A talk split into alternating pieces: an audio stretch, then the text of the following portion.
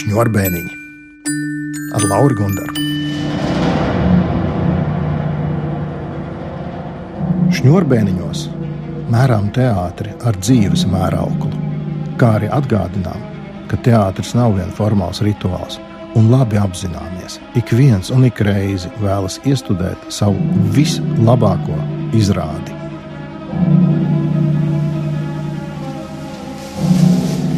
Šodien Šņurbēnijos teātris kritiķe un kultūras žurnāliste Undīna Adamaita.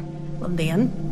Un filozofs, publicists, meditācijas skolotājs un arī bijušais saimnes deputāts Ilmārs Latkovskis. Labdien! Nu, protams, mēs nevaram izvairīties no tiem apaļiem simts, īpaši šodien. Un, uh, mēs esam izvēlējušies izrādes, kuras tik tiešām ir, kā teātris saka, veltītas vai ar kurām atzīmē šo simtgadi. Tā ir Dievs daba darbs Valmieras teātrī un Pūtvējiņa Nacionālajā teātrī. Es iedomājos, ka ir pietiekami daudz cilvēku, kur vairs negrib to apaļo skaitli nosaukumu dzirdēt, varbūt pat šogad. Un varbūt pirmais jautājums Ilmāram. Vai tas attiecās uz katru cilvēku personīgi? Cik mm -hmm. daudz tas uz tevi attiecās? Es nezinu, vai te vajag formulēt. Tiešām mēs varbūt esam pa daudz izploduši tajā simtgadē. Un te jau grūti pateikt, kad tā simtgade sākās un kad beidzas. Un ir mazliet pa daudz, bet, eh, nu labi, meklēsim arī tajā, kas pa daudz tos sīkumiņus, kas ir varbūt ļoti labi. Un, un daži mums tā varbūt nu, atgādina svarīgas lietas un dot to piederības sajūtu savai tautai, zemē, valstī, galu galā plašākai pasaulē un dievišķai būtībai. Lūk, kā es izplūdu tajā visā. 101. gada dienā tas nebūtu tik būtiski. Nu, nē, nē, man ir grūti tagad. Uh, kaut ko konkrēti teikt uz šiem, nu, nezinu, būtiskiem vai nebūtiskiem, bet katrā ziņā ļoti vispārīgiem jautājumiem. Bet tādēļ arī jautāju tik vispārīgi, man pašam arī šo gadu ik pa pārdienām nomok šis jautājums. Cik vispārīgi par šo mēs domājam un cik tas konkrēti attiecās uz mani pašu? Nu, es domāju, Laura, ka mēs pilnīgi visi šajās sajūtās un jautājumos brīžam dzīvojam. Tas ir neizbēgami, tāpēc veikalā Rimī, nesauksim Rimī, jāsaka, lielveikals, tu nopēc vistu, kur ir pārsekta ar karogu iepakojumu. Latvijai simts, un tad tu noskaties izrādi būt vējiņu, un tu, es domāju, saprot man atbild, ko es saku. Vienmēr būs šis banālais virslānis, suvenīru līnijas, muļķīgās fars, un tad būs dziļākā būtība, ko, es domāju, mēs neviens, labi, mēs, nu, gribas runāt tomēr šai sakarā mēs, nevis es, lai arī zinu, jārunā tikai par sevi, bet man šis fakts saviļņo, ka mums ir simts gadi, ka mums ir sava tauta, ka mums ir sava valoda, ka viņi ir tik grūti un smagi izcīnīti, un es gribu būt aiz traumē iekšā, un es domāju, pārmetoties uz izrādi, Seņkovs arī grib. Un šie divi darbi, kur mums nebūtu jākaunās, ka viņi ir uh, Latvijai simts, jo viņi tādi ir. Pilnīgi noteikti. Dziļākajā būtībā. Es ļoti labi saprotu, kāpēc tu uzdod šo jautājumu.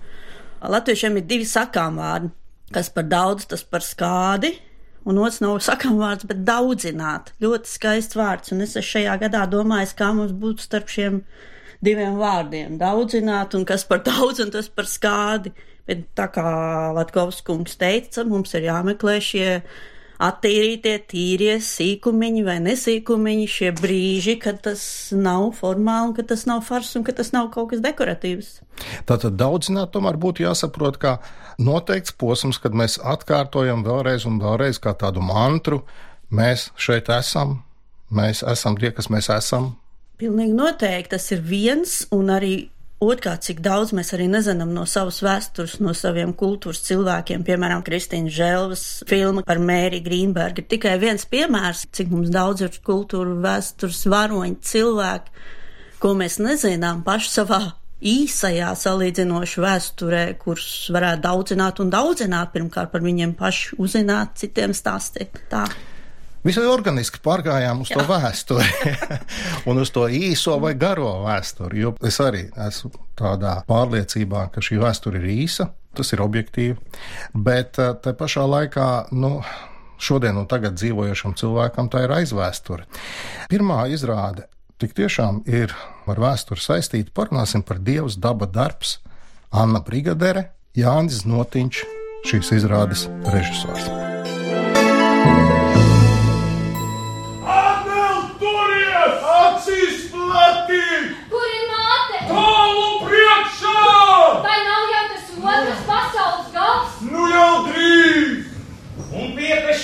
Piepeši vējš aprāvās, it kā kāds tam būtu iesitis pamuti.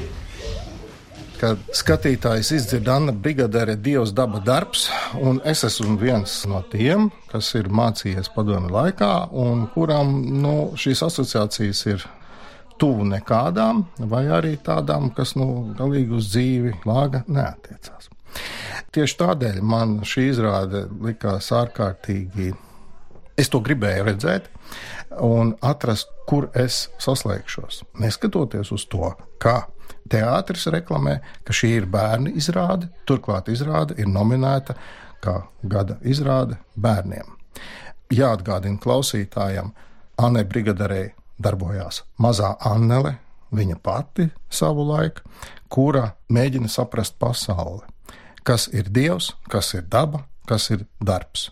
Un to mēs arī redzam uz skatuves. Mazā Annele Ines Puģa un četras viņas balsis četru vīru izpildījumā. Un Dien, kādas bija izjūtas? Nu, tā man bija atkal vispār patīkama satikšanās ar uh, Jānu Notiņu, jo pirms tam es biju redzējis viņas taburak bērnus. Arī Valmieras teātrī. Jā. Un iespējams vēl kāda izrāde, bet taburak bērni man līdz šim liekas viņas spilgtākā un labākā izrāde. Un kopumā es par Jānu varu pateikt, ka um, es ļoti cienu un, un novērtēju viņu vēlēšanos darboties un taisīt. Jā, iespējams, tieši speciāli bērnu izrādes bet to savienojot ar ļoti labu materiālu un šai gadījumā tiešām latviešu klasiku, kas varētu būt pat ļoti riskanti, ņemot vērā šos visus apstākļus, ko mēs arī izrādē redzējām, nebaidoties no šīs arhaikas, varbūt kaut kādos darba instrumentos, vai bērns saprot, kas ir vērpjamais ratiņš vai nesaprot, bet labi tas, ka, manuprāt, viņš mēģina savest kopā 21. gadsimta bērnu ar šo skaisto, labo literāro valodu, kādā iespējams mēs pat paši vairs nerunājam, kas arī pie galda sēž. Jā, man tā liekas, viņi ir dāļa, viņi tiešām vienkārši aizmirst latviešu valodu, viņi nav arhaiska, bet nelietot. Ļoti skaisti, un viņš to nospodrina un liek vienkārši tajā klausīties. Otrs, savienojot ar mūsdienu bērnu izjūtām, varbūt tai savā estētikā, kā viņš to pasniedz caur ļoti tādu vienkārši tā kā rotaļu, spēles teātru, objektu teātru, kā tā arī varētu it kā mājā istabā spēlēties, kur no jebkā, jebkas var sanākt. Uz pietiek... skatuves ir tikai viens liels palaks. Jā, tas nekā. ir tas tīrā spēles stihija, kur uh, tu no segas gala izloci, ko tev vajag paķert. Tas var būt jebkas vai ne, lauks, debesis. Nu, pilnīgi jebkas. Tas, tas man liekas, ir brīnišķīgi, ko viņš dara. Jā, cilājies ar dvēseli, mana bija rakstīts dziesmu grāmatā. Dvēsele ir tā, kas redz ar tām neredzamām acīm un dzird ar tām nedzirdamām ausīm un zina daudz vairāk nekā visi pieaugušie grib un var pasakīt, jā. Un tā dvēsele ar vienu kaut ko, kaut ko grib, bet viņu nevar paēdināt ne ar maizi, ne ar ūdeni. Un šodien tā dvēsele grib rītdienu, un rīt parīt, un parīt aizparīt. Jā, dvēsele. Man arī ir tā dvēsele. Visiem ir, visiem ir tā dvēsele jeb šis staigāšu nāves ēnas ielajā, taču nebīstos ļaunumu. Es ar lielu interesi gaidīju šo izrādi, jo Dievs daba darbs mani pirms tam jau piesaistīja vairākus gadus tieši no mistikas viedokļa. Es ar kristīgo mistiku biju aizrāvies, vai esmu aizrāvies sakrā ar eh, meditācijas, kontemplācijas studijām, un atklāju, ka mums pašiem latviešiem ir daudz mistisko darbu, vai kristīgā mistika, vai, vai vienkārši teiksim mistika, sākot ar traumēniem. Un Dievs daba darbs, protams, ir viens no šiem darbiem. Un tad vienmēr tev ir interesi, nu, kā viņi to parādīs, kā to skatuves uzliks. Un tiešām eh, mūsdienu bērniem, ja tā izrāde ir bērniem. Un Man ir bijis varbūt ne tik laba pieredze, kā aizstiedzoties notikumiem priekšā teikšu šoreiz ar citiem mistiskiem darbiem, kur pirms tam es izlasu un gaidu, kā tas būs. Viens bija klūgu mūks, otrs svina garša, Un arī klūgu mūkā es atradu daudzas detaļas, kā nu viņi to izspēlēs un ir. Tad gan tu jūti, ka mazliet varbūt tas tavs noslēpums ir pazudis, viņš tā uz skatuves ir uzlikts. Bet eh, labi, nekritizējot eh, šos divus, eh, divus izrādes, viena garša klūgu mūks, kuras bez šaubām ļoti daudz izbaudīju. Es tomēr ja man tā racionāli, kritiski jāsaka, tur varbūt viena neveiksme manā skatījumā bija, ka nu, viņi cenšas sabāzt visu, kas tajā grāmatā ir bijis, cenšas sabāzt pēc iespējas daudz un parādīt uz tās skatuves. Tad šajā reizē Dievs daba darbs viņi ļoti veiksmīgi bija paņēmuši atsevišķas detaļas, un dievišķais izpaužas detaļās, un te tas arī bija. Un detaļas, nu jau pieminētais palaks, pa kuru es teiktu, tur var izlocīt ne tikai citas detaļas, bet būtībā visu. Visu pasauli. Visu tas ir pasauli un sevi. Jā. jā, no mūsu dzīves šīs pasaules un tā mistika ir dieva, pareizāk sakot, dievišķais mūsos ir, bet cilvēciskā cilvēka atlocīšana sevī.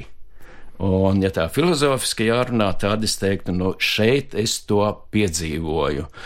Un tad bija atsevišķas epizodes, kuras es gaidīju, kurām es ļoti daudz biju pievērsis uzmanību.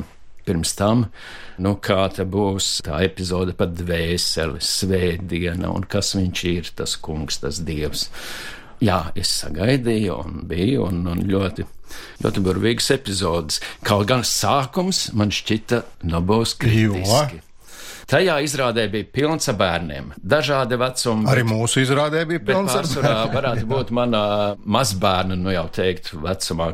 Bet ne jau tas bija kritiskais, tas jau bija interesantais, un, un, un tur bija es atkal piedzīvoju ļoti daudz interesanta, laba. Bet tas kritiskais sākums bija, kā Nu, tā kā tā pirmā balss sāka līst ārā, vai tās balsis no tā palaga, viena meitenīte spiegdama aizspiedusi ausis skrēja ārā. Nu, es pieļauju, tā varētu būt, ja tev ir runā balsis, bet, nu, bet, nu, savukārt es aizspiedu acis, jo man tas tik ļoti kontrastēja varbūt ar to gaišumu, ko es biju gaidījis. Nu, bet varbūt tie ir priekšstati par balsīm. Man nav priekšstati, ka tās ir balsis galvā. No Nu, mazai meitenītei es nezinu, kāda bija priekšstati, bet tā tīri estētiski man tas likās tik neorganiski, ka nu, nu, nu būs galīgs vāks. Bet tā kā es biju aizspiedis acis, es nevarēju izskriet ārā, bija ļoti labi, ka es paliku, un nu, tāds sākās, tāds sākās, bet labi, pagaidām es varbūt iepauzēšu šo patīkamo. Jā, eh, interesanti, ka mēs tagad tādi trīs pieauguši cilvēki par to runājam. Bet izrādi ir bērniem. Un jau pieminēja Ilmārs, ka, nu jā, kā nu tur bērniem ir gājis. Man tiešām mulsina, kā tā tiek pasniegta kā bērniem, bērniem, bērniem, bērniem. Kā mēs redzam, mums visiem trijiem bija pietiekami spēcīgs trāpījums mums personīgi. Es gribētu citēt, um, pavisam nesen arī latviešu ir iznākusi Rigauņa rakstniece Lēla Tungala, un ir iznākusi viņas grāmata Biedrs bērns un filma. Tiek rādīta, noteikti paskatieties, tiešām iesaku. Un viņas intervijā, atbildot uz jautājumu, kā viņa attiecās pret vēsturisko literatūru, tas ir klasika, viņas atbilde bija šāda. Kad studēju Tartu universitātē, neieredzēju igauņu tautas dziesmas, darba, gadskārtu ieražu un citas dziesmas. Tik garlaicīgas. Es iebilstu pret to, ka bērnam uzkrauj veco laiku literatūru. Protams, ka mūsdienu bērns neko daudz no tās nesaprot. Bērnam patīk viss, kas notiek ap viņu. Bērns ir tik gudrs, ka viņš grib saprast sevi un savu pasauli. Lūk, Anna Brigadere, akurāt tas, kas manā laikā bija uzkrauts, un Dīna jau iezīmēja, ka tev šķiet, ka ir trāpīts, vai arī bērns redz to savādāk, nekā mēs šeit tagad gudri runājam. Es domāju, ka ir trāpīts, un tas, ko tu akcentē, to, ka pasniegā bērnu izrāda, bet tur mums jāsaprot, ka teātris īstajā nav vainīgs, tā nē, teikt. Jebkura definīcija, viņa it kā samazina to būtību. Nu, teiksim, spēlmaņa naktī vienkārši vajag šīs nominācijas, un, protams, kuru tad mēs citu liksim tur. Nu, viņi bērni izrāda vārdu labākā nozīmē, un pats režisors saka, ka tā ir bērniem ar vecākiem. Līdz ar to patiešām mums katram, katram ir kur pieslēgties, jo, piemēram, par šo pašu pālāgu motīvu, ja mēs runājam, Latkovs kungs jau tik skaisti filozofiski izinterpretēja, bet bērns, ko tur ieraug, viņš varbūt atpazīst, eh, un tāpēc man galīgi nebija bail, ka viņš sāka dzimt tur ārā. Tas man atgādināja, man liekas, ka viņš ir paņēmis to motīvu, ka maz bērni reizēm viesos spēlējās, ka sabrauc māsītes un brālēni, viss salien zem lielas sagas. Un tu būsi tas, un tu būsi tas, jā. Jā, un tad, kad mums arī pārnes to palagu visiem pārgalvai, tā ir tā bērna foršā sajūta, ka patīk ielīst kaut kādā būcenī, un tas bija tas mazais āķīts, ko viņš bija speciāli priekš bērniem uztaisījis. Mēs tālāk varam filozofēt, ko tas nozīmē, un varbūt kādam bērnam tas kaut kāda tēla līmenī arī zemapziņā nosēžās kā kaut kas cits, ne tikai telts un būcens, vai ne? Man arī nepatīk šī varbūt reizēm sarāmēšana. Tas ir domāts tam, tas ir domāts tam. Un e, varbūt būtu arī neveiksmē, ja tajā izrādē nebūtu bērni un vecāki kopā. Priekš vecākiem tā būtu kaut kas nebaudāms, vismaz priekš manis. Jo tur bija tas, ka tajā spēlēs piedalījās visi, un man tas bija tas aizraujošais. Jo nu, es neskatījos uz skatuvi tikai. Jo bērni ļoti ātri to visu paņem un viņi spēlēja līdzi. Un te es skatos uz tiem bērniem. Un viens e, opis man aiz muguras tur lokās un gar zemi krizdams smejas. Un tas viss aiziet tādā kopspēlē, plūdumā, un vēl tas palaks tur arī aiziet bērnos iekšā. Nu, nu, nu, tas, tā ir viena mistika, kas parauj uz skatuves. Un tā labi šī sarāmēšana varbūt nodara arī daudz, daudz ļaunumu. Bet eh, bērniem, nu jā, bērni. Bērni vistuvāk ir varbūt šim dievišķajam skatījumam, mistiskajam, un viņi paņem to, ko pieaugušie vairs nespēja izbaudīt, un ja viņi vēl ierauj tos pieaugušos, tad iekšā, no tur ir tā labā sajūta. Un eh, kāpēc dažus darbus eh, teikt, ka tas ir darbs bērniem? Ja mēs tā dziļāk padomātu, tad, nu, nu nekādā gadījumā es nesen eh, pilnīgi nejauši izlasīju vai pārlasīju koklātājs Samtabiks. Ļoti nopietns filozofisks darbs, varētu teikt. Un, nu, ja es lasīšu kopā ar mazbērniem kādreiz, tad varbūt es tajā atkal atklāšu ļoti daudz, jo te varētu būt runa jau arī par to mītisko pasaules uztveri, ko, ko pieaugušie ir zaudējuši, bet kas priekš mums ir tik svarīga. Un šeit ir tā visa burvība. Kas tas bija? Kas tas bija? Tas bija citrons. Nē, tad, reja, tad viņam vēl birst, kā zirņi viens aiz otra, bet šis tikai tā stāvēja un klusi elpoja. Viņš tikai tā skatījās, ko tu stāvi, ko tu gaidi, ko tu gribi. Kas tas tāds bija pa stāvētāju? Viņš bija tāds sādisks sagriezis. Priekštepīns gaisā sacēlis, slaidkājiem, slaid viducējums kuplās, tas līdz zemē. Ai, samtaini rūzgans un melnas spits sausums gaisā sacēlis. Divas asinīm pielījušas acis raudzījās Annelē, un aiz atņemtiem zobiem bija tāds rūcējs kā firmelos. Tas bija meža zvērs. Ko? Jā, nekur nekad neredzēts skaists brīnumains meža zvērs. kas man tiešām pārsteidz, paša brigadieres darba ārkārtīgi modernais izteiksmes veids. Ja šodien tas būtu rakstīts, tad tas būtu, ko nosauktu mēs par modernu. Modernu stāstījumu un modernu domāšanu. Un te pašā laikā Atis Rozentāls raksta. Tomēr izrādē ir brīži, kad jebkādas konkrētības trūkums vai arī aizstāts ar dinamisku darbību, tomēr var atstāt skatītāju neziņā, kas tad īsti notiek. Īpaši vērpšanas ainā. Šādi brīži, kad darbība pati par sevi skatītāju aizrauja, taču tās jēga var palikt arī līdz galam neizprasta, izrādē ir vairāki. Varbūt iestudējumu var ieteikt skatīties komplektā ar turpat no Valmieras teātra netālu esošo muzeju, kurā ne tikai vērpjumu ratiņu vien var aplūkot. Šis man lika pārdomāt teikums, cik ļoti izrādes veidotāji ir gribējuši tikt vaļā no muzeja, un Ati saka, nu jā, bet te ir muzejiskas vērtības, ko darīt? Nu, protams, es arī aizdomājos par kaut ko līdzīgu, un tieši laikam par ratiņa ainu, kas spilgtāk ilustrē Jā, šo zinot ratiņa darbības principus un kas vispār, Nu, ko tā tad varbūt pateikt tie, kas nav redzējuši, varbūt jāpastāst, kas tur notika tajā ainā. Tā tad ir pilnīgi tukšs skatuvi un šis milzīgais pālaks, kā mēs to saucam, tika no vienas skatuves stūra līdz otram savērpts. Tā griežot kā lecamauklu, un es domāju, varbūt daudz bērnu arī domāja, ka tā ir rotaļa lecamauklu. Vienkārši tā jau varētu būt.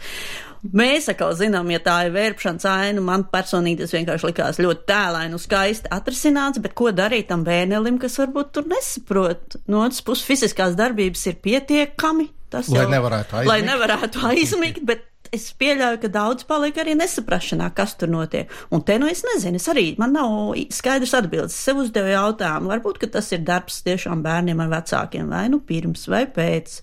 Es atceros, Vecāki jau var, varbūt nemaz nezina. gan jau zinu. nu, es nebūtu tādās ilūzijās. Nu, es mēģināju ratiņš ir aizgājis no šīs savu reālās pieredzi. Nu, es, piemēram, grāmatas pasakas lasīju dziļā vientulībā, vecāki lasīja savā istabā, un es atceros šos atklāsmes brīžus, kad es sapratu, ā, tas ir sens darba rīks, tad es lasīju jau nākamā pasakā parādās, saslēdz kopā. No otras puses, ja bērnam pilnīgi visu izskaidro un ielēja karot mutē, tiek laupīt kaut kādas pašiziņas prieks un atklāsme. Nu, Kā bija jums ar tām konkrētībām?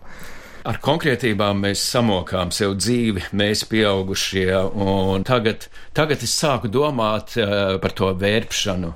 Vai es to uztvēru vispār kā vērpšanu? Nu, es nezinu. Es biju tik ļoti ar to visu aizrauts, un tur es eh, nemanīju, ka kāds no bērniem būtu kaut kādā neizpratnē, ka kādam vajadzētu kaut ko paskaidrot. Ja vecāki pēc tam pārrunā, tad ir ļoti labi. Bet arī, ja būtu neizpratne vai tas brīnums, Nu, tas arī taču ir vajadzīgs. Mēs šo esam pazaudējuši. Mums viss kaut kā racionāli vajag izskaidrot, bet mums nav šī bērnišķīgā pirmatklājuma brīnuma sajūtas. es piekrītu īstenībā. Atvaino, varbūt, ka tiešām reizēm sākumā svarīgāks ir šis brīnums, un pēc tam var meklēt detaļas tālāk. Kaut gan vislabāk būtu bijis, ja būtu abejādi. Tomēr es vienmēr esmu par to, ka ideāli ir jau ar visos šķērsgriezumu līmeņos tomēr uztvert, jā, jo tur brīžiem tie vārdi aizgāja pa tukšo, nu vienkārši min to ratiņu un, un 50% nesaprot, kas tas tāds ir. Bet varbūt taisnība svarīgāk ir, ka šī otra puse ir, ka šī aizraušanās ir. Un var jau būt, ka tas bija parādīts tā, ka vienkārši, lai kas tas arī nebūtu, Annelē ir smagi grūti, viņai laupīt viņas brīvību, viņa tur ir kā cietumā iesprostot kaut kur. Es teiktu tā, ja kritiķi un pieaugušie tur sāk analizēt un meklēt kaut ko, tad beidziet. Šī izrāde nebija jums, tā bija bērniem. Jūs paši tā izdomājāt. Un, ja nespējat būt bērns, tad muticiet un brīnīties. Man grūti piekrist. Man gribētos tomēr, lai mēs visi kopā būtu bērni.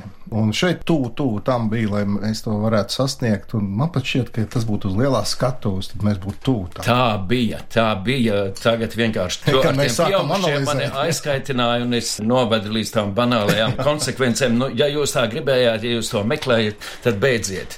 Tiešām tas ir lieliski šīs izrādes sasniegums, un ej tur, jūties kā bērns. Ja tev tas vienreiz neizdevās, ej otrais, bet uh, Kāds ir tas uh, vēstījums šogad simt gadi? Latvijai, mums, mūsu nācijai. No šīs izrādes, vai varam vārdos pateikt kādu vēstījumu? Kas bija tas būtiskākais, ko jūs iznesāt? Labi, ka mums ir tādas anneles, jo Jo. Nu, es mēģināšu paturpināt. Man ļoti patika Ines Puģis aktierdarbs, tāpēc, ka nu, viņa nebija kaut kāda pareiza, pozitīva meitenīte, kāda Anela nekad arī nav bijusi. Un tiek noņemts tas draudz, ka tiek rādīts kaut kāds ārkārtīgi brīnišķīgs, labs par labu un vēl labāku. Ja? pilnīgi piekrīt ļoti. Jā, labi. viņa ir spuraina, viņa ir eh, ar savu gribu. Viņa ir izzināta kāra. Un ja viņai ir iebilst, tad viņai ir iebilst. Atjautīga, viņa ir godīga, viņa ir spējīga izpaust savas dusmas. Ļoti jauks īpašības, ko pārnest uz nākamajiem simts gadiem latviešu cilvēkam. Tas ir atvērtība. Jā, Jā. Es domāju, ka nevajadzētu izvilkt kaut kādu vēstījumu simtgadēju. Es priekš sevis varu kaut ko tad mēģināt domāt priekš savas turpmākās nākamās dzīves. Nu, burvīgi ir tāda Annele, un man būs mazbērni, un es tam visam atkal iešu cauri ar, ar šo brīnišķīgo iespēju. Nē, bet tas, ko gan visi zina, ka, ka tā jūra esot bez gala un bez malas. Kā var būt kaut kas bez gala un bez malas? Tas taču ir brīnums pat lielākais. Un, ja nu tur uzejot augšā, to ieraugā. Jūrē tas visvarenākais, ko Anna vien var iedomāties. Jā, kāps gan augšā. Uz priekšu! Uz priekšu! Ej! Ej! Valds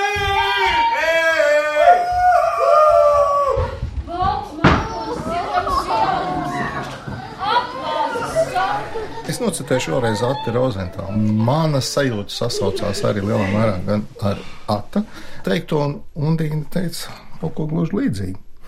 Tieši atvērtība nezināmajam ir viens no izrādes būtiskākajiem vēstījumiem - gatavība piedzīvot ko jaunu, lai arī tas var būt draudīgs un riskants. Nu, lūk, viņš nonāk pie tā paša, izmetis tomēr tādus pieaugušā cilvēka, gudrnieka, analītiķa, kritiķa lokus, labi, nodeva ir tam atdota un nonāci pie tā, pie kā bija jānonāk. Es arī pievienojos šis pirmatklājai prāts saglabāt spēju pieaugušiem uz visu skatīties kā uz brīnumu. Ej pastaigā kopā ar bērniem, un tad beidzot ieraudzīsi krāsainas lapas un, un ka putni dzietu nejus šo izrādi, un arī būs šis pirmatklājuma prieks. Nebūs vēsture naftalīnā. Nu, galīgi nē.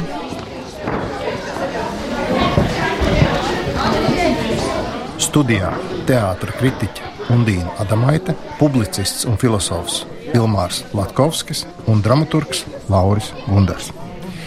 Parunāsim par otru izrādi.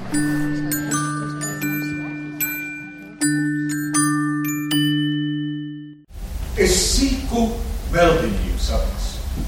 Bukrējiņi, dzerlaivi. Un senas atmiņas, un senas ainas. Nu nevar tās kā līdzības un zīmes, kā laika mirklis, ko mums minēties.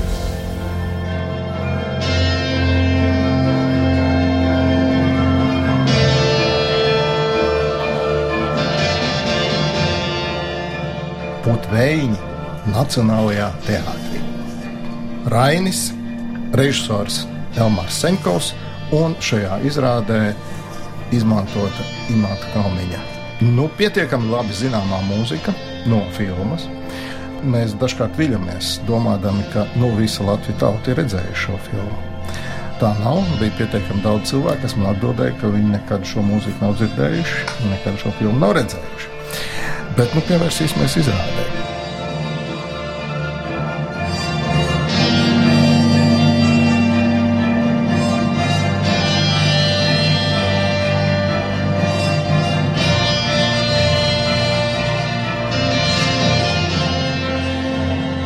Pār Daugavu atbraukušais tautu dēls Uldis negrib mātes meitas, bet gan dvēseles dzidro bārnīti baibiņu.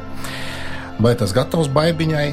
Nu, kā Rainim, baibiņa kā patiesa dvēsele, tā problemātika būgas ir starp dvēselisko un miesisko vai sadzīvisko. Un uh, baibiņa ir bojā šajā konfliktā starp to, kā mēs dzīvojam, un starp to, kā vajadzētu dzīvot. Man pat grūti pateikt, kā lai izšļūts drusku un nepastāsta klausītājam, kāda izskatās skatuve. Jo tā ir pilnīgi unikāla. Tādas izrādes nav bijis nec Latviešu teātrī, nec es esmu redzējis kur citur. Lūk, man tas bija pamat jautājums nākot uz šo raidījumu. Kā darīt, kā tu saki, kā izšļūt, un mums ir jāvienojas, kā mēs darām, vai vienādi sakot. Tālāk mēs runājam vai tā kā ar saviem, ar tiem, kas ir redzējuši, vai mēģinām nosargāt šo noslēpumu. Jo īstenībā šai izrādē, kā labā detektīvā, tas pirmatklāsmes prieks ir ļoti svarīgs, un mēs daudzajā ziņā to laupīsim. Kaut gan nu jau ir pagājis diezgan ilgs brīdis kopš pirmizrādes, lai mēs tomēr runātu arī mazliet konkrētāk. Es domāju, Es domāju, mēs varam runāt konkrētāk, ieskicējot tā. Uz skatuves ir ārkārtīgi daudz cilvēku. Tie esam mēs visi, Kā viņi ir uz skatuves, to mēs varbūt neatklāsim, bet tie esam tiešām mēs visi uz skatuves, ir vairāk kā 100 cilvēki. 130 tas ir, 130 plus aktieri. Viss tā ir konkrētība. Tas tiešām ir to vērts redzēt, kā un biļets ir izpārdots arī jau uz janvāri pašlaik. Kādas ir tavas galvenās? Undīna? Nu, tā kā tie teātris kritiķi jau tos būtu vējiņus ir no visām pusēm un daudzkārt lūkojuši. Nu, man tā pati galvenā sajūta ir tāda, ka es neatceros, kad es pēdējos gados būtu redzējis tik ārkārtīgi interesantu izrādi. Un es saprotu, ka tas ir mans atslēgas vārds priekš manis, manām skatītāju pieredzēju. Pat es zinu, ka daudziem izrāda ļoti emocionāli. Jā, ir ārkārtīgi daudz. Un tas ir neparasti, ko es īstenībā sev saucu par mazliet sentimentālu cilvēku un cīnos pat ar to drusku man šī izrāde pēkšņi atklāja, ka manai arī drusku prāts, un man viņš saviļņoja tieši prātu, un man ir bezgalīgi interesanti līdz šim pat brīdim domāt par to izrādi, kā viņi ir veidot, un par šīm visām nozīmēm, ko es varbūt pat līdz galam nesaprotu, kā pats režisors ir domājis, bet man viņa pilnīgi ievilka šādā originalitātes un radīšanas brīvības ziņā, un es esmu vispār sajūsmā par to, ko Senkovs ir izdarījis. Silvija Radzoba raksta, nepārprotam ir gan tas, ka Senkaus Raņa varoņus atbrīvojas no tradicionāliem iepriekš pieņemtiem un daudzos iestudojumos īstenotiem uzskatiem, kurš no viņiem ir labs un kurš slikts. Ilmār, tiešām tie iepriekš pieņēmumi par to, kas ir pūtvēji, un mēs jau katrs zinām labāk, traucēja, netraucēja, vai bija vai nebija. Šajā izrādē man e, traucēja mazliet domāšana. Es abas gaidīju ar interesi, bet pirmajā tas mani paņēma, Dievs daba darbs, un es vairs neko tur nedomāju. Tagad es varu kaut ko domāt, jo par laimi es neesmu kritiķis. Un es neeju uz teātri, lai domātu un analizētu. Es ar to mašīnu braucu. Man neinteresē, kā viņu uzbūvēta ir un, un kā tur pārslēdz kaut ko man nav jābūt kritiķim, un tāpēc es mākslu varu baudīt, vai man ir iespēja baudīt, ja es pats to kaut kādā veidā sev uh, nesamoku. Ideālais skatījums. Drīkst iekavās pateikt, kritiķis arī spēja baudīt, bet viņš pēc tam vēl analizē, vai varbūt paralēli. Tiešām nopietni. Man ir aizdoms, ka viņš analizē jau pirms izrādes, ko viņš tur grib redzēt, un tādu pievelktām. Redzi, kā par tevi domā. Bet, bet, bet, bet labi, no, labi. labi, es nekritizēšu, es negribu par būt, es gribu būt uh, baudītājs, nevis kritizētājs, jo tad es samaitāju pats sev kaut ko, ja es tur tās utis pa daudz meklēju. Nu, ko tad tu tur gāji uz to, jā, ja tu nespēji atrast? Bet, nu labi, tagad tā pēc izrādes varbūt pamēģināt mēģināšu pāanalizēt kaut ko. Jā, ja runājam par filmu, vismaz man bija sajūta, ka tas filmas spiediens ir liels uz izrādi. Un jau no paša sākuma, kad Jakovļevs un Armali iznāca uh, uz skatuves, un tu sāc domāt, ah, kāpēc tas bija? Ah, nu labi, jā, nu filmā viņi bija. Un pēc izrādes domā, nu jā, to vajadzēja vai nē, tas bija labi vai nebija labi. Jā, man jāpakomentē klausītājiem filmas aktieri. Sāk izrādi, pa vidu vēl šur tur parādās, un pašās beigās arī. Cik nu tas ir labi vai nelabi, man blakus sēdēja 14-gadīgs eh, skatītājs, kuram tā bija liela mistika. Tas bija tas jautājums par to, Jā, vai nu mēs es piekrītu, ir tas par tiem savējiem svešiem arī skatītāju zālē. Nu, nevis svešiem, bet tiem, kam tas neko Jā. neizsaka vienkārši. Un grūti spriest, es piedaru par tiem, kas ir redzējis filmu, un es domāju, ka tur pilnīgi cita loģika nolasās. Jo es, piemēram, biju tādā izrādē, kur sāk skanēt šī mūzika, un es pilnīgi jūtu, kā notika tā enerģētiskā saslēgšanās. Jo laikam vairums bija tie, kam tas kaut ko nozīmēja. Bet ja tā nav, tad tā arī var nenotikt. Jo vienkārši nu, cilvēki iekāp kaut kādā ļoti personīgā savā stāstā. Jo Māram bija par daudz. Par daudz domāšanas. Tā... Par daudz mūzikas? Nē, mūzikas mm. man nebija par daudz nekādā gadījumā, jo, manuprāt, šī Manta Kalniņa mūzika ir tik veiksmīga, ka. Nu, man viņa arī nesaistās ar filmu, kaut gan es labi zinu, ka tā ir no filmas Pūta vējiņa, bet nu, tā jau ir. Mūzika runā plašāk. pati par sevi. Ja? Mūzika runā pati par sevi, un, un tad, kad es kādā brīdī aizdomājos, Jo īsta māksla nav domāta domāšanai. Ja es izrādē sāku domāt, jau kaut kas tur ir, vismaz manā uzturē ir aizgājis šķērsam. Un ja es kādā brīdī tur biju aizlidojis domās, nevajadzīgās tādas, ja ieskanējās mūzika, tad man tā atgrieza kādā kopīgā plūsmā un izrādes baudīšanā. Tātad šeit bija tomēr jādomā.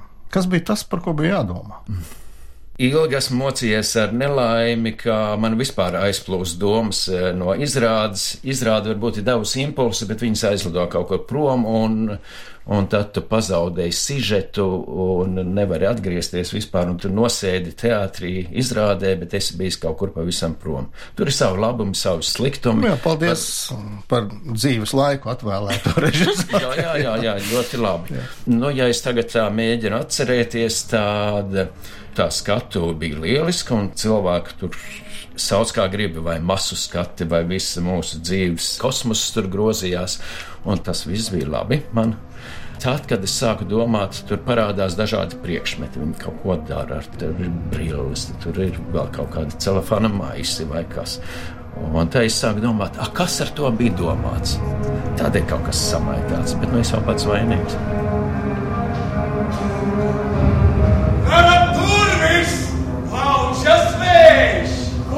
Plēsies tautu dēls, nav tavas līgaviņas, ej pie mātes gauži lūdz, maksā sieku dalderīšu. Pats precē līgaviņu tēvam mātei nezinot. Izsev pašam nezinot, aiz durvīm neredzot.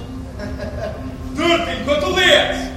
Būtvēji, plēš durvi, sperim pītvēji manas. Kur tu lauzies, silamači?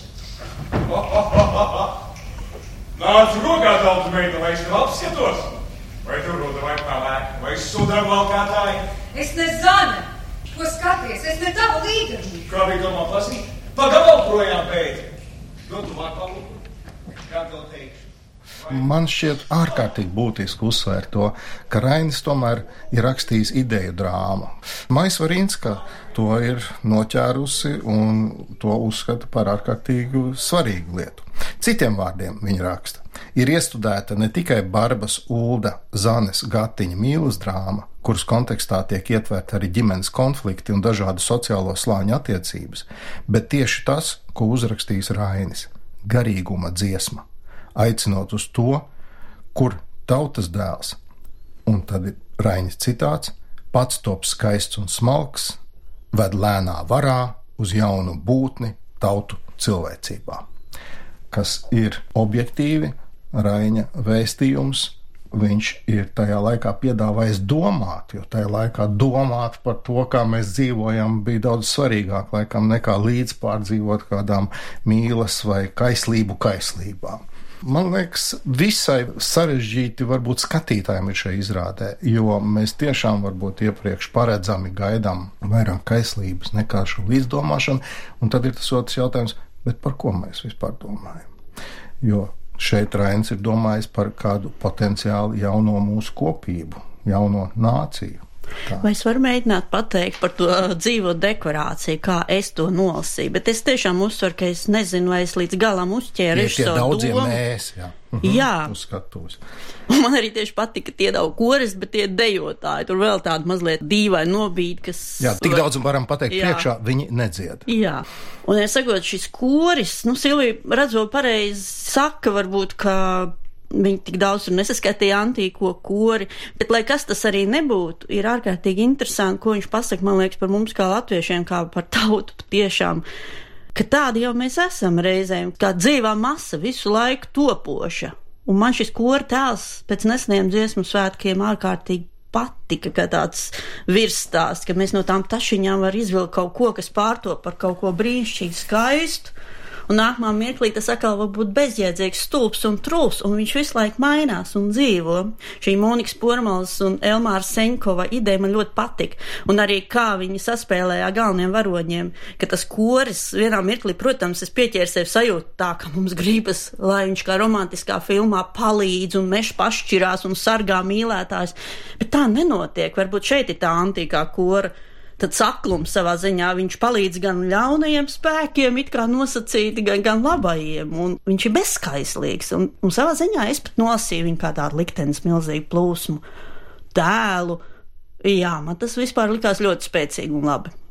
Bet reizēm es piekrītu arī Latvijas kungam, kurš teica, ka varbūt tādas ņemšanās un darīšanās tur brīžiem ir pašmērķīgas, varbūt tādu vārdu teikt, kas nav vienmēr piepildīts ar tādu spēcīgu saturu. Atzīšos, man gandrīz nekas netraucēja.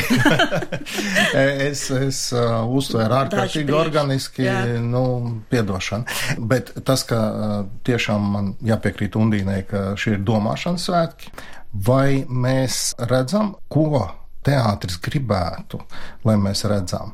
Vai mēs redzam tikai vienu fotografiju, kas lielā mērā ir uh, Raina lugā, ir šis dvēseliskais pret sadzīviski miesisko Protams, Rainis pirms simts gadiem ir teicis, ka viņš ļoti gribētu, lai neiet bojā baigiņa, tas dvēseliskais, bet viņa tomēr iet bojā. Vai mēs negribētu? esam tikuši Jā. tālāk, vai pa šiem simts gadiem mēs esam tikuši tālāk, vai mēs tomēr stāvam joprojām tajā fotografijā, ideāli uztaisītā fotografijā? Ja par fotografiju, tad eh, man nāca prātā tāda viena cita fotografija, kas nāk no šīs pašas skatuves pirms simts gadiem. Un eh, šajā ziņā, nu, ja es tā sāku pēc izrādes aizdomāties, tad Te ir kaut kāds ceļojums no tās Latvijas dibināšanas fotografijas uz, uz šo izrādi. Jā, uz šo izrādi, Jā. kas notiek uz tās pašas skatuves, un arī ļoti daudz cilvēku. Gan vienā, gan otrā. sakarība man nebija ienācis prātā. Un, un, jā, nu, izrādes laikā tas man arī neienāca prātā. Tagad mēs sākām šķetināt to izrādi atpakaļ, un tad tas man tā saslēdzās kopā, tā kā tāds gaismas klikšķis ar, oh, jā, Latvijas simtgadi bet eh, dvēseliskais un miesiskais, nu, tas būs mūžīgais jautājums. Mūžīgais prieks un mūžīgās mocības, un, eh, un pastāvēs tas, kas. Labi, tas ir tādā individa līmenī, bet valstiskā uzstādījuma līmenī, kas mums ir svarīgi? Nācijas, es pat teiktu, varbūt nevis valstiskā. Vēstījums, manuprāt, ir ļoti skaidrs to, ko es sajūtu. Un tas ir pateicoties brīnišķīgajam jaunajam talantam. Mēs piedzīvojam arī jaunu aktieru, jaunu talantu dzimšanas svētkus, un Jēkabs Reins to tiešām izcili nospēlē.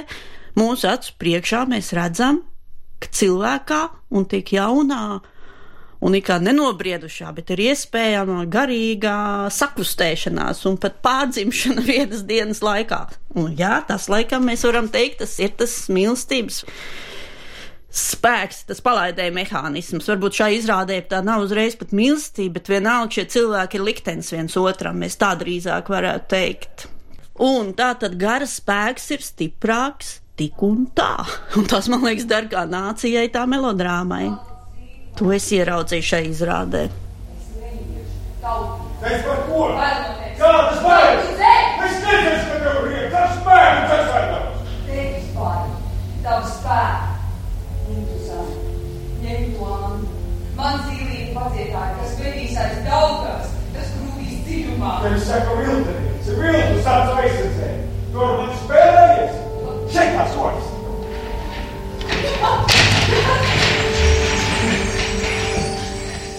Andi! Zani! Tagad šur! Tagad es esmu spēlējies! Kas tev gan? Kur skrīt? Ko man likt šurpunāt? Nu, labi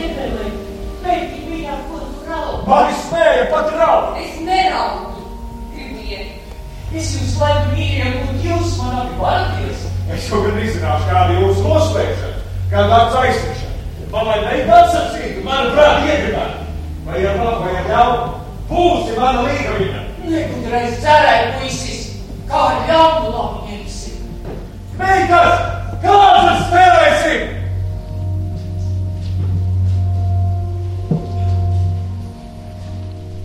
tradicionāli tiek uzskatīts ūdens kā tāda normālas dzīves un miesiskuma etalons, sāk stipri domāt par to, kāda dzīve izskatās. Nu, principā, jā, viņš ierauga kaut kādu vispār citu krāsu, ko viņš nebūtu aptvērs, ka pasaulē kaut kas tāds vispār eksistē. Es tā uzskatu. Tagad viņš varbūt gājis pa kaut kādiem džungļiem, visu laiku klubu klubiem, alu dzerdams, un pēkšņi viņš ieraugā kaut kādu okeānu malu vai, vai purvīšu ainavu. Es nezinu. Tā kā tas kā varētu tā. arī būt tas vēstījums, ko mums grib sniegt teātris. Nu, es domāju, ka mēs varam mainīties, kurš var, kurš nevar. Man arī atkal ļoti patīk, kā Senkovs to novad līdz sapini kopā ar to šodienas cilvēku sajūtu. Nu, tā detaļa, nu, mēs čaļi staigā dzerdam. Ko tas nozīmē vienā dienā izlemt, viss es vairs nedzeršu? Un viņš to īsteno. Tas ir tā viņa milzīgā griba, kas tālāk aizaug līdz kaut kam daudz lielākam.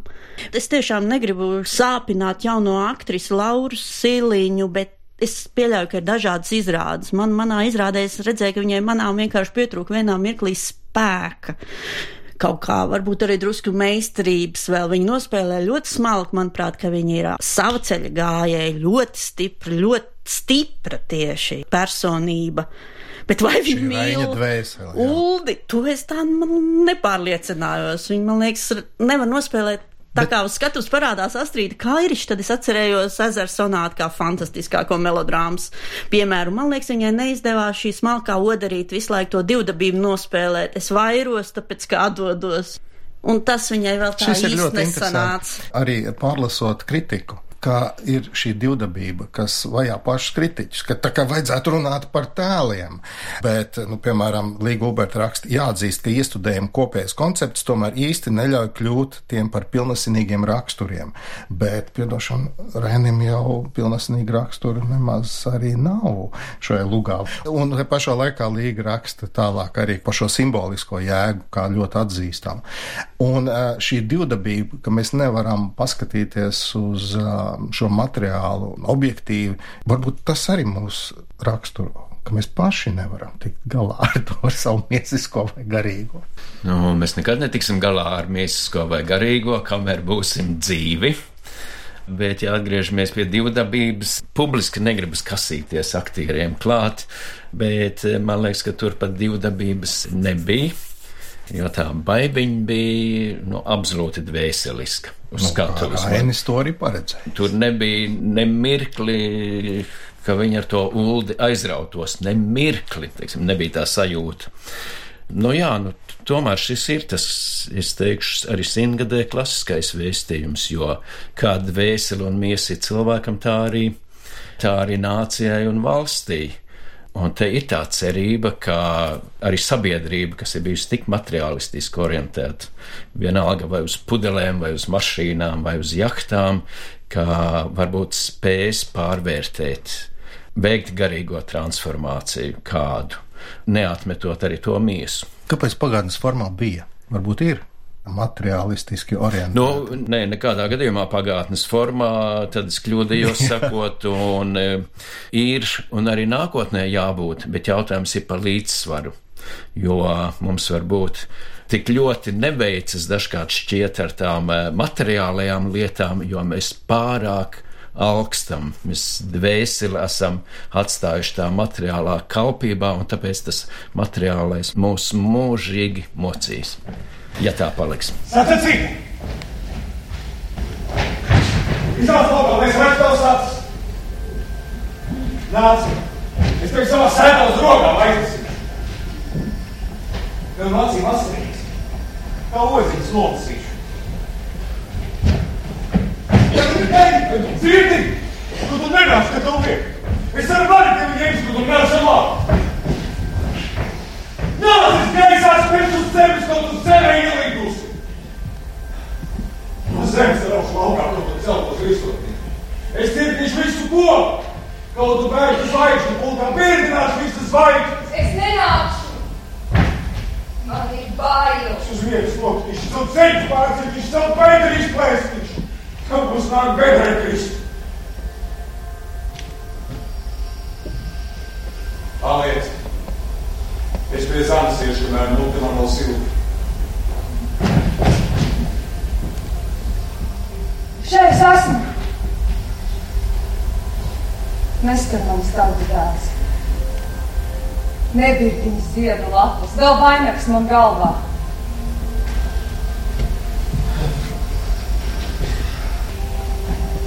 Lūdzu, dzeļ maigi.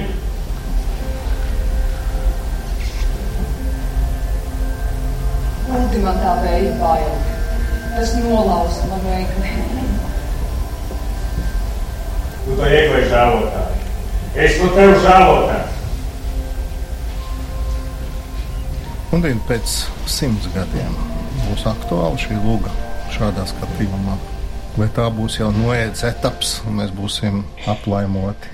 Nu, man grūti runāt par šodienu, kur nu vēl pa simts gadiem. Bet es domāju, ka būs cits lasījums, bet šis varbūt tiešām bija vēl pēc šīs dziesmu sāka vasaras šim brīdim, un nevis tā kā viendienīts, bet labā nozīmē piemērs šai brīdī ieaugušai izrādē visās sajūtās. Kas man likās ārkārtīgi interesanti pie Seņko vēl, ja es varētu atgriezties, varbūt, piemēram, ja viņš šādu izrādi būtu uztaisījis 90. gados, man liekas, mēs viņu nosaucam par postmodernismu. Bet cik interesanti viņš savieno no formas, tur ir tāda interesanta kolāža, tāda dekonstrukcija, citāta ar kultūra atsaucēm. Bet ko viņš ar to izdara? Viņš saliek atpakaļ šos kluciešus, un mēs redzam nacionālu, patriotisku veltījumu, tādu stipru, spēcīgu darbu pēc būtības. Patiesībā romantisku, nacionāli romantisku vārdu labā nozīmē. Un uh, man ārkārtīgi patīk šie jaunā režisora spēja svaigi, absolūti neticami svaigi, neko nelaužot, neplēšot, ieraudzīt, nopūst to tādu mazliet putekļu kārtiņu un uh, reizē darīt pilnīgi pa savam, un reizē attiekties ar milzīgu pietātu pret kultūras mantojumu. Un šā es arī ieraudzīju šo citēšanas jēgu, ka vienu mirkli man likās, ka es vispār sēžu un izplūstu laikā un telpā un prom kaut kur no Nacionāla teātra, jo viņš izgāja absolūti ārpus skatuves visādā nozīmē ka viņa izrāde ir tikai tāds nogrieznītis milzīgā dzīves, mākslas, laika telpas plūsmā. Tā man likās šie te visi citātie fakti noved pie tādas sajūtas. Es gribētu vienam vārdam pievērst uzmanību, ko tu tikko teici - patriotiski izrādi. Šis vārds ir dažkārt ārkārtīgi novazāts varbūt. Bet es viņu speciāli atkal lietoju, tāpēc, jo. ka mēs viņu varam arī lietot dažādi. Jautāt, Ilmār, tev šis vārds ar ko asociējās? Tā. Patriotisms. Jā, Tas ir ļoti grūti atbildams jautājums. Tas ir ļoti grūti atbildams jautājums, un e, reizē man ar ko tas asociējas, piešķir varbūt, kas to vārdu izsaka. Šī izrāde patriotiska? Nu, es teiktu, jā. Jā. Vai es drīkstu pateikt, kādā nozīmē es to domāju? Es to domāju Noteikti. šai gadījumā tādā nozīmē, ka patriotiska, jo nekaunās, vēl vairāk lepojās ar savas tautas kultūru un piedarību tai. Beidzot, es pateikšu to, kā sauc mūsu raidījumu. mūsu raidījuma nosaukums ir Nākamie simts. Es apzināti gribēju, lai mēs nonākam paši līdz tam. Un šis vārds patriotisms man šķiet šajā gadījumā ir atslēga, jo, lai cik tas nebūtu novazāts, tajā tomēr iekšā ir aktīvas darbības vārds. Un šī aktivitāte, ka mēs vēlamies lai kaut kas mainās, lai tā fotografija arī pēc simts gadiem nebūtu tieši tāda pati. Man šķiet, ka šīs izrādes veidotāji to ir ielikuši iekšā, un uh, tuvu tam ir arī Dievs daba darbs.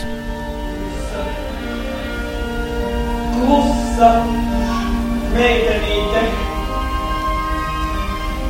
sirds no bailēm pārtrūkusi. Ņemat, nesīsim svētā. Ejiet uz! Viņa māte! Baigi man bailīgi! Tu jau mani neizbēgsi! Tev tu! Tev nes! Kur vērīgi! Zem laimīgi! aizceļos jūriņā. Jūras baltā, augstumā.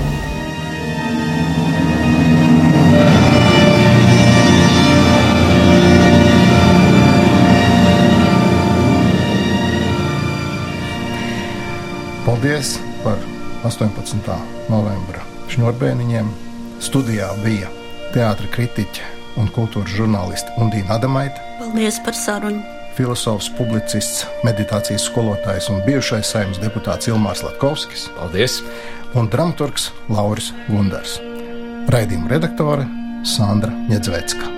Tiekamies!